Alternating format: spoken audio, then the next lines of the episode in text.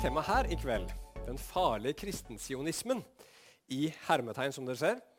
Og det hadde jeg lyst til å gjøre fordi at jeg hadde en eh, prat med en søster her om dagen om akkurat den tematikken.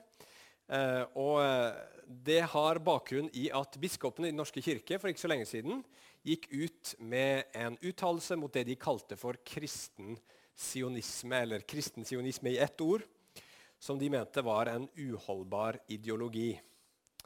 Og Bakgrunnen for det, det var at eh, kirkeledere i Jerusalem har bedt kirker rundt omkring i verden om å legge press på partene i Israel. Det er en konflikt mellom Palestina, palestinerne og, eh, og, israelerne, jødene, da, eh, for at de skal kunne framforhandle en rettferdig fredsløsning som de da sier, og få slutt på den ulovlige okkupasjonen og forskjellsbehandlingen av innbyggerne.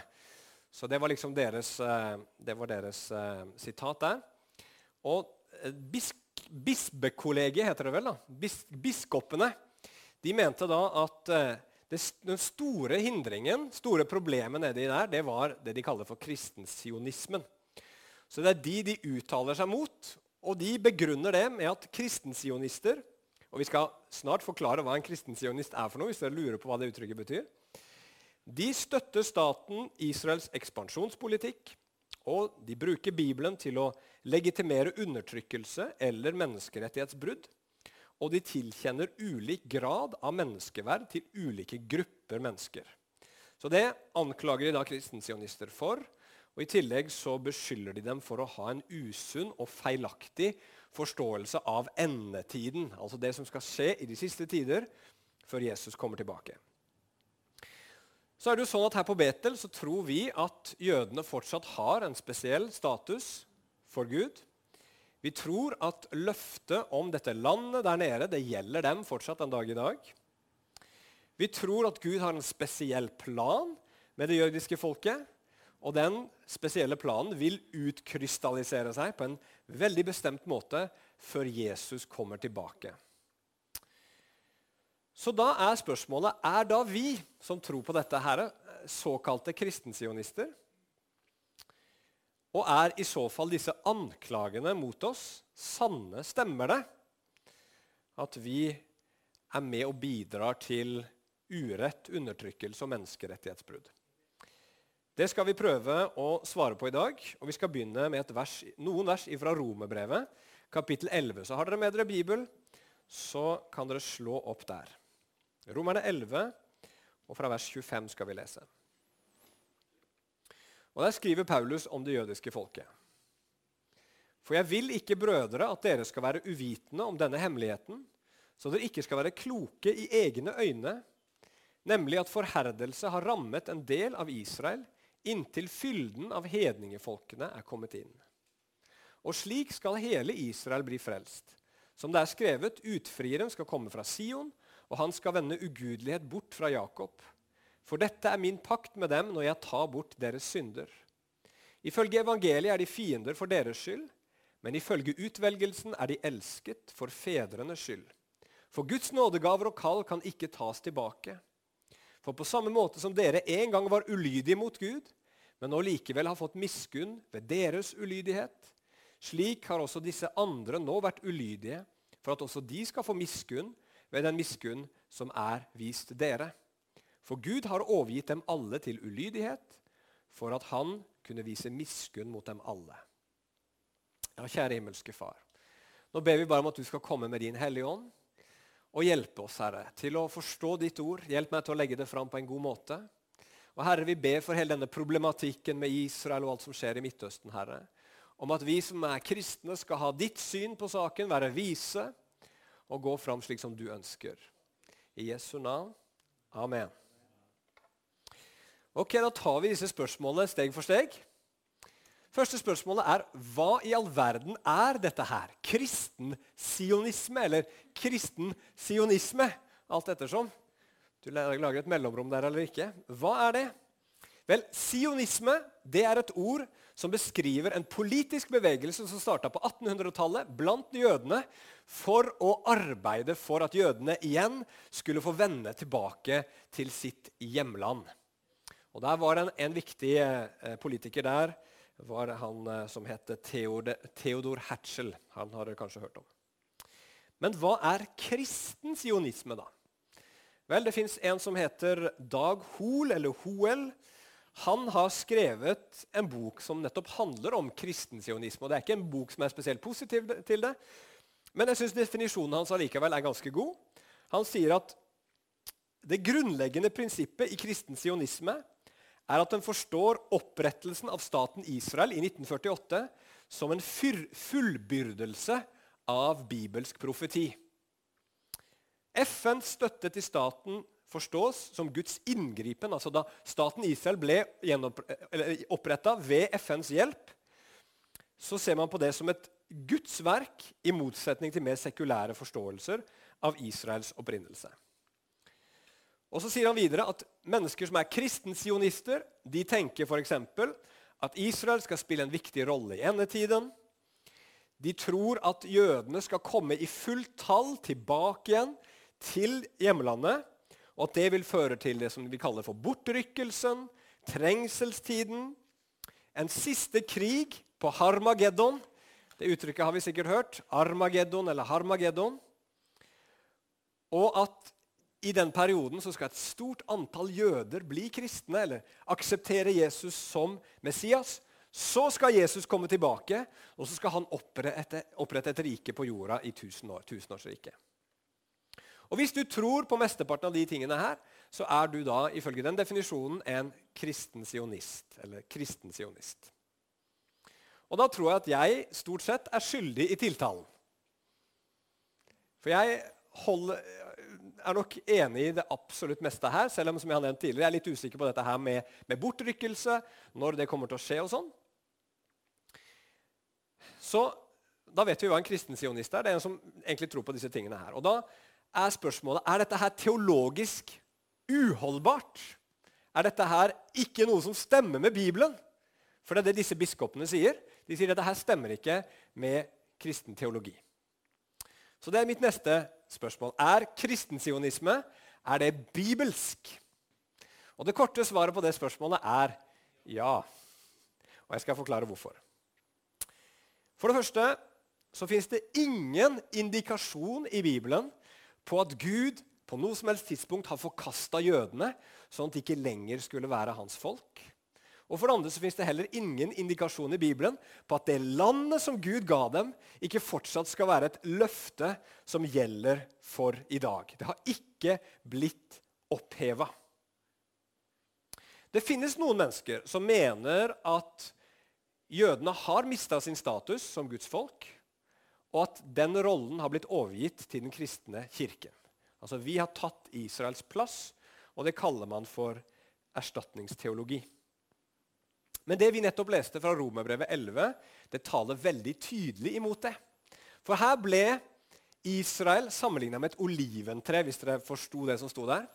Og så står det sånn at den individuelle jøde som ikke tok imot Jesus som Messias, ble på en måte brukket av dette treet. Greinen ble brukket av.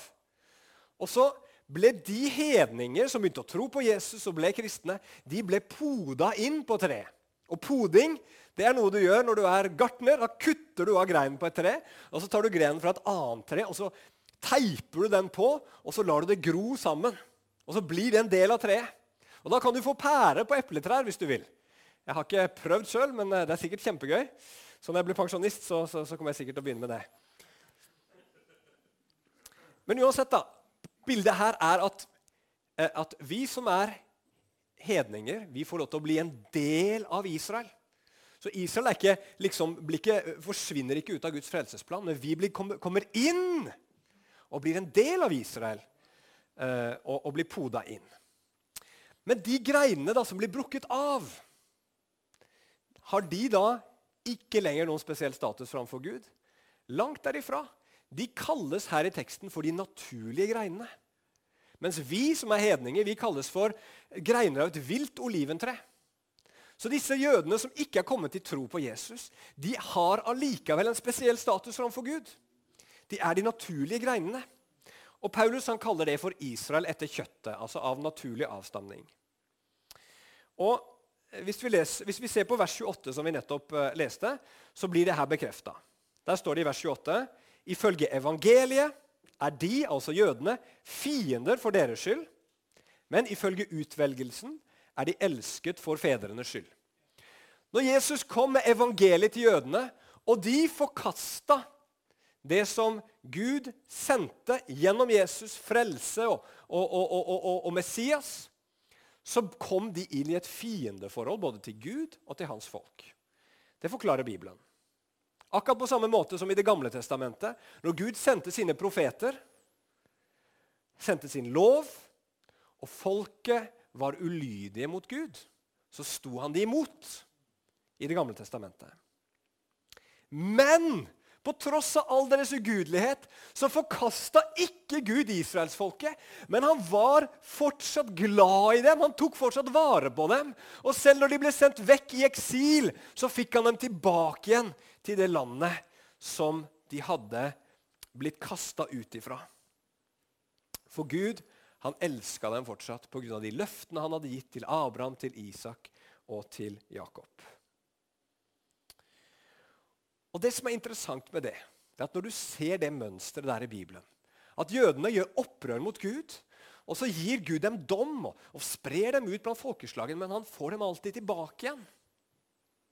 Og når vi vet at jødene i år 70 ble, ble kasta ut av sitt land pga. deres synd, så skulle man jo forvente at hvis jødene fortsatt var Guds folk, så ville han igjen på et eller annet tidspunkt bringe dem tilbake til landet sitt. Og Allerede på 1600-tallet så var det kristne forkynnere som begynte å se det her i Bibelen. De sa at vet dere hva? Vi tror at ut ifra hva Bibelen sier, så kommer det jødiske folket på et eller annet tidspunkt i framtiden til å vende tilbake til landet sitt. Og Det hørtes sikkert helt sprøtt ut for folk på den tiden. der.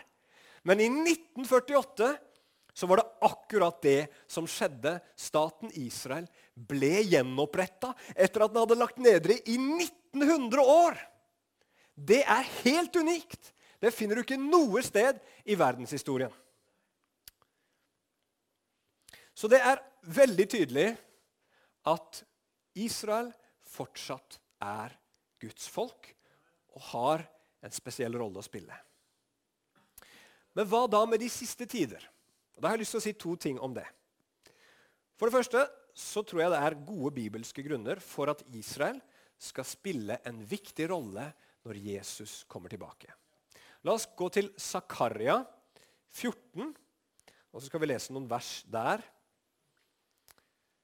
Og der står det Zakaria 14, vers 1-4. Se, Herrens dag kommer, og byttet som tilhørte deg, skal fordeles midt iblant deg. For jeg skal samle alle folkeslagene til krig mot Jerusalem. Byen skal bli inntatt, husene plyndret og kvinnene voldtatt. Halvparten av byen skal bli bortført, men resten av folket skal ikke bli utryddet fra byen. Da skal Herren gå ut og stride mot disse folkeslagene, slik han strider på stridens dag. På den dagen skal hans føtter stå på Oljeberget, som ligger vendt mot Jerusalem fra øst. Det som beskrives her, er det som i Det gamle testamentet kalles for Herrens dag. Og Veldig ofte når det uttrykket brukes i Det gamle testamentet, så handler det om de siste tider. Altså det som skal skje helt på slutten av verdenshistorien. Og Det som beskrives her, det er at en dag i framtiden skal det komme en stor og grusom krig hvor alle land på jorda vender seg mot Israel og mot Jerusalem. Og det kommer til å gå dårlig for Israel, som det står her. Men så skjer det noe. Gud kommer og så kjemper han mot folkeslagene. og Det står til og med at han kommer til å sette sine føtter på Oljeberget. Og så framgår det av andre vers her i Zakaria 12, 13 og 14 at Gud kommer til å seire og overvinne Israels fiender. Og så står det noe veldig spesielt i kapittel 12, vers 10, at jødene i denne perioden her skal se opp til han som de har gjennomstunget, står det. Lenge før Jesus kom. Men vi skjønner jo at det må jo være Jesus. Og Utfallet av det her, at Gud liksom kommer, setter føttene sine på Oljeberget og, og, og, og vinner seier, det er at det kommer en såkalt messiansk tidsalder.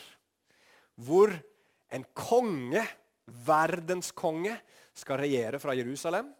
Og det kommer til å bli velsignelse og fred og overflod i hele verden. Det sier Det gamle testamentet, og det ser vi veldig tydelig her i Zakaria. Og så er spørsmålet stemmer dette her overens med det vi leser i Det nye testamentet. Hva sier Det nye testamentet om endetiden?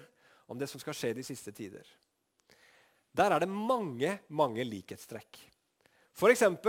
når Jesus kommer tilbake, hvor skal han sette sine føtter da?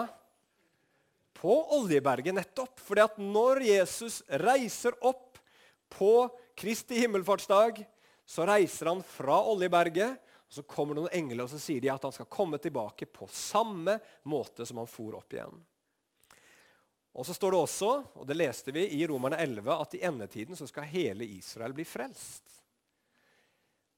Og så står det også i Det nye testamentet at når Jesus kommer tilbake, så skal det skje i samband med en krig som har sted nettopp i området der hvor Israel ligger. Og Der skal alle folkeslag delta. Og Så kommer Jesus tilbake, og så skal han opprette et rike på jorda som varer i 1000 år.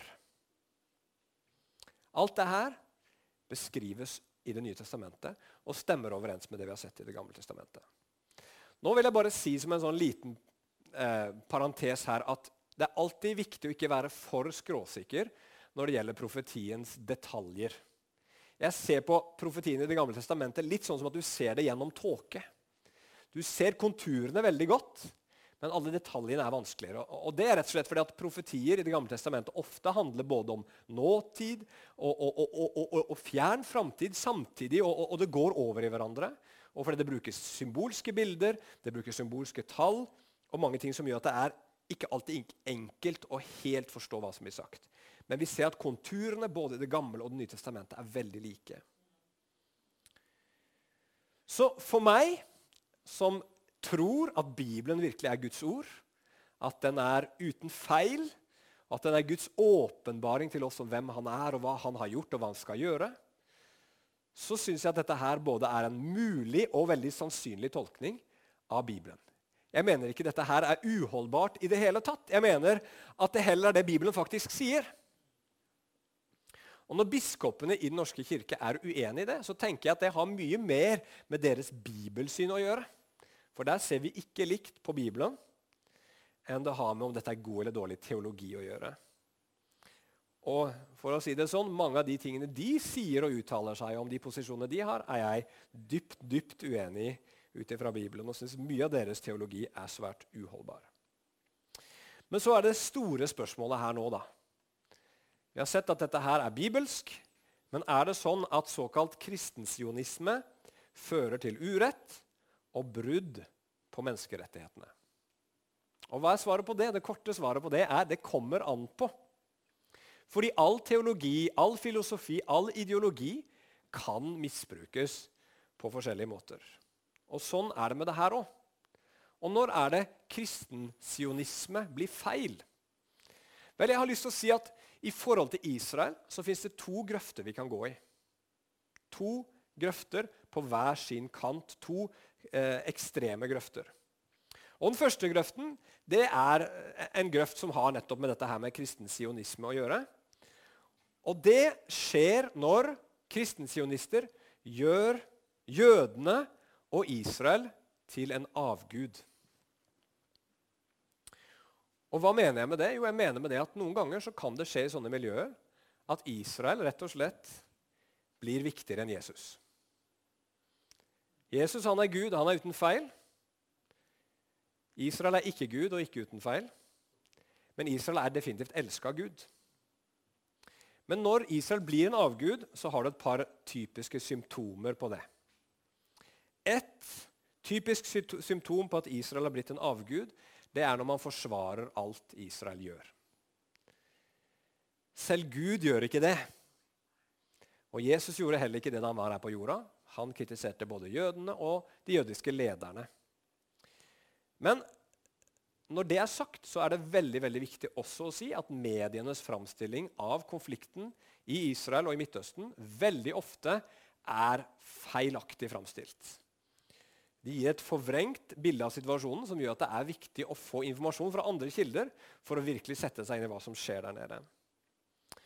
Eh, det er også viktig tenker jeg, når vi ser på konflikten der nede, å belyse det at situasjonen er sånn som den er fordi Israels fiender gang på gang på gang har gått i angrep mot den israelske stat. Og Hadde de ikke gjort det, så hadde ting sett veldig annerledes ut. Jødene har aldri selv starta en eneste av disse konfliktene der nede. Så Det betyr at i veldig mange tilfeller så er det riktig å forsvare Israel. Men hvis du alltid gjør det uansett, så tyder det på at noe har gått i en grøft. En annen typisk eh, måte at denne grøfta blir uttrykt på, det er når du ser eller hevder at én smal politisk løsning Eh, for Israel og Midtøsten er den eneste gyldige. Det er veldig bra og det er helt fint at vi har klare meninger om den konflikten og hvordan den bør løses. Det er lov. Eh, og jeg tror spesielt at vi som kristne helhjerta bør støtte både Israels rett til å eksistere Jødene trenger et hjemland etter alle disse århundrene med forfølgelse. Og for det andre trenger vi også å støtte Israels rett til å forsvare seg. Men og dette her er viktig, det fins ingen tydelige indikasjoner i Bibelen på hvordan den konflikten der nede skal løses. Og det er heller ingen indikasjon på at Israel er nødt til å ha kontroll over alle de opprinnelige landområdene som Gud ga til Moses og til Josva for at Jesus skal komme tilbake. Det sier Bibelen aldri noe spesifikt om. Og Det kan være greit også å minne seg på at i historien til det jødiske folket så fikk det jødiske folket dette landet på forskjellige måter. I Josvas bok så måtte de erobre. Men det handla mest om at Gud ville dømme disse folkeslagene som bodde der, som var noen grusomme, ugudelige folk. Mens da de kom hjem fra eksil i Babylon, så fikk de bare landet. Gud bare åpna en dør for dem, og de trengte ikke å kjempe en eneste kamp. Det andre som også er viktig å, å, å tenke på, det er at til og med i løpet av Israels historie så har det vært perioder hvor Gud har tatt fra dem deler av landet. Husk på at landet ble delt i to etter Salomo. Og så hendte det i 722 før Kristus cirka, at asyrerne kom, bortførte alle de ti stammene i Nordriket. Og så var det bare Juda igjen. Og det varte lenge. Og selv på Jesus sin tid så hadde ikke jødene kontroll over hele dette området. Mye kommer helt sikkert til å skje i Midtøsten før Jesus kommer tilbake. Og det er under Guds suverene kontroll. Vi kan ha politiske meninger om det er helt greit. Men det fins ikke noe sted i Bibelen hvor du og jeg blir holdt ansvarlig for at ting skal skje på rett måte nede i Midtøsten. Det ordner Gud. Vårt ansvar som kristne det er å gjøre det Jesus har sagt, nemlig å forkynne evangeliet for alle folkeslag og så skal enden komme. Og så kan vi også selvsagt være med og be for det jødiske folket. Så det var nummer to tegn på at man kanskje har gått i en grøft og gjort Israel til en avgud. Nummer tre man har Israel som en avgud når en jødes liv blir mer verdifullt enn livet til en palestiner. Nå tror jeg ikke det er så veldig mange kristne som vil si at en jøde har mer menneskeverd enn en palestiner. Men det hender noen ganger, har jeg merka, at noen kristne blir så glad i Israel at de begynner å kjenne på ganske negative følelser overfor fiendene til Israel. Og Hvis det er sånn at fordi du elsker Israel, så hater du arabere eller palestinere eller hva det skulle være, så har Israel blitt en avgud for deg. For Jesus han sa at vi skal elske våre fiender. Vi skal elske Israels fiender også, like mye som vi elsker Israel. Jesus har sagt det, og det er han som er vår Gud. Så det er nummer tre. Og nummer fire tenker jeg også at eh, man har gått i en grøft og antageligvis gjort Israel til en avgud når det å forkynne evangeliet for jøder og for folk i Israel ikke er viktig. Og det er klart at For veldig mange jøder så har de kristendom og Jesus og alt dette her veldig opp i halsen. Og det kan vi forstå pga. den historien og den fortiden som de har. Og det gjør at det er vanskelig og krevende og konfliktfylt å forsøke å gi de gode nyhetene til jøder. Men Bibelen er soleklar på det. At evangeliet er Guds kraft i frelse for jøde først, og så for greker. Og når Paulus reiste rundt for å forkynne Guds ord, hvor gikk han først alltid da? Jo, først så gikk han til jødene, og så forkynte han evangeliet for hedningene. Etterpå, ofte fordi jødene forkasta. Og da må vi etterfølge det. Og hvis vår kjærlighet til Israel gjør at vi ikke forkynner evangeliet for jødene, så har Israel blitt en avgud som vil lyde mer enn Jesus. Og jeg har bare lyst til å nevne i parentes at Vi går i en grøft hvis vi har møter om Israel, som jeg syns er helt fint og bra, hvor Jesu navn nesten ikke nevnes, og i hvert fall ikke korset og evangeliet. Sånn må det ikke være. Er vi ikke enige i det? Vi skal, vi skal tale vel om Israel, og vi skal velsigne Israel. Men vi må alt, se alt i lyset av evangeliet og av korset. Og Dette her er som sagt den ene grøften, og den kan jo i teorien føre til menneskerettighetsbrudd. Eh, fordi at det kan føre til støtte til en politikk som kan ha negative eh, sider. Men her vil jeg påstå at det er ikke på en måte kristensionisme som er problemet, som sådan, men det er misbruk, misforståelser og ekstreme tendenser som er problemet. Men jeg har lyst til å snakke om en annen grøft også, som jeg mener er mye mer alvorlig, og som er på den andre siden. Og Det er den grøften som også har en mye verre historie med tanke på menneskerettigheter. Og det er den grøften hvor man behandler jøder som et hvilken som helst folk, eller eventuelt som et folk som Gud har forkasta. Og det, det er farlig. Hvorfor er det farlig? Jo, for da har man ikke lenger noen bevissthet om at det nettopp fins en åndelig dimensjon rundt det jødiske folket som gjør at de stadig vekk opp gjennom historien har blitt utsatt for hat, for undertrykkelse og for forfølgelse. Og så intenst og så gjennomgående har, det vært at vi har et eget ord for det. Antisemittisme. Det fins ikke noe folk på jordkloden som har opplevd det i så stor grad som jødene. Og det skjer veldig ofte ved at forskjellige folkeslag legitimerer det eller grupper legitimerer det. F.eks. de kristne i Europa i middelalderen så på jødene som Kristi drapsmenn og legitimerte sin ondskap mot dem. Under nazismen så, så de på jødene som roten til alle deres problemer på den tiden. Og så leda det til de grusomhetene som vi kjenner til under andre verdenskrig.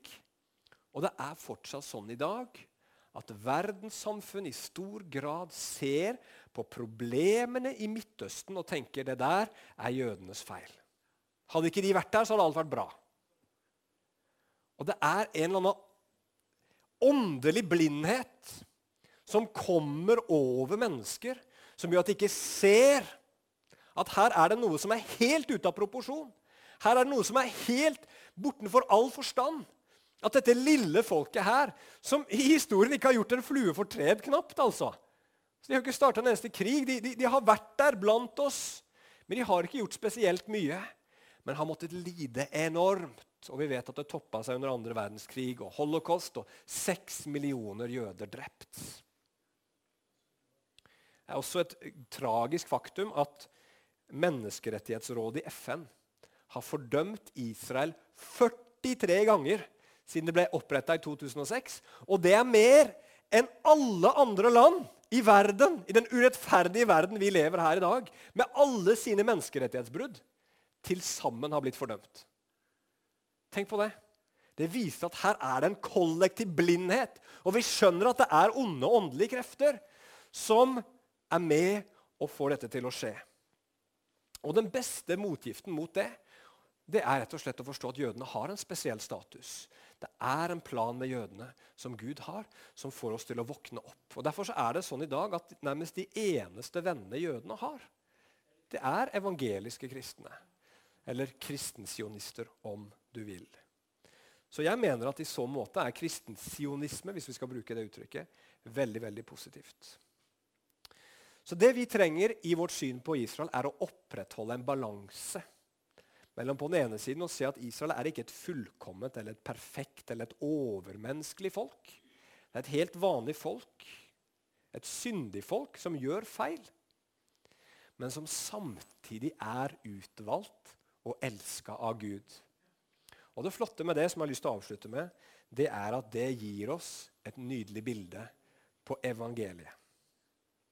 Og Det har jeg lyst til å si litt fram til slutt. Og Vi skal gå til 5. Eh, Mosebok, kapittel 7, vers 6 og 8. Hvorfor ble Israel Guds folk? La oss lese.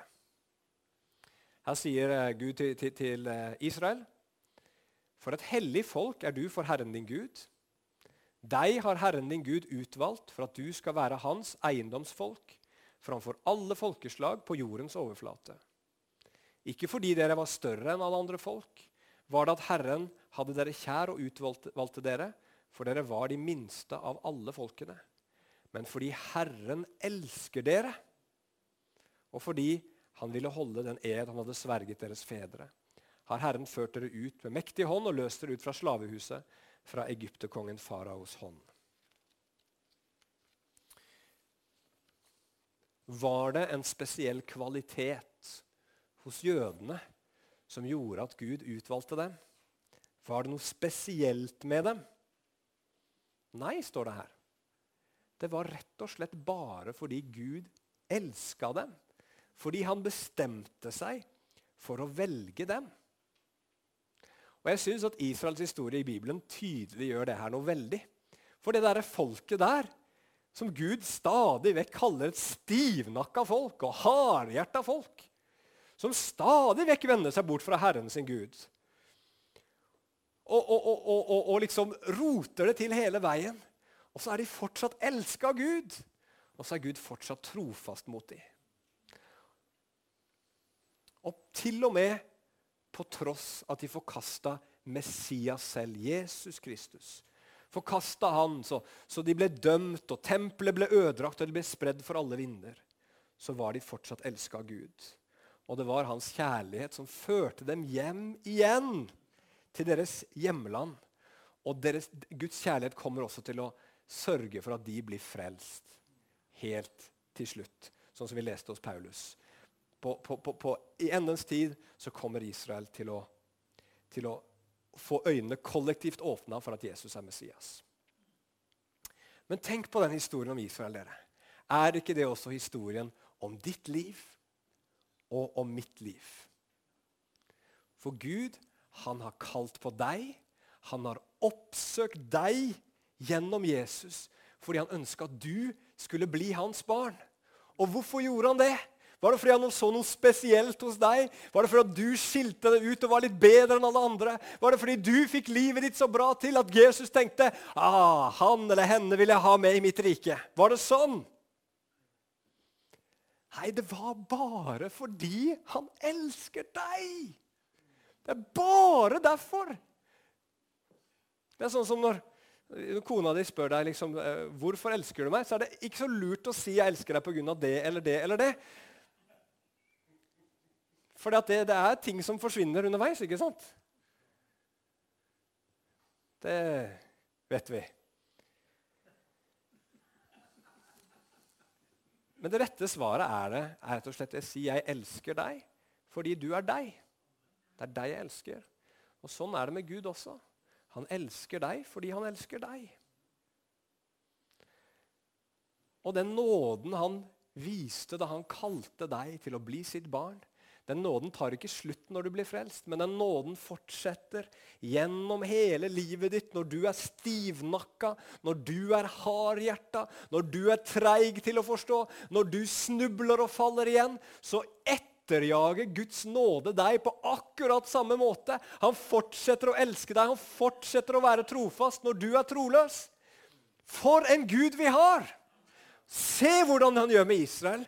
Han gjør det samme med deg. Han er så trofast at han sendte Jesus for å ta på seg alle dine synder.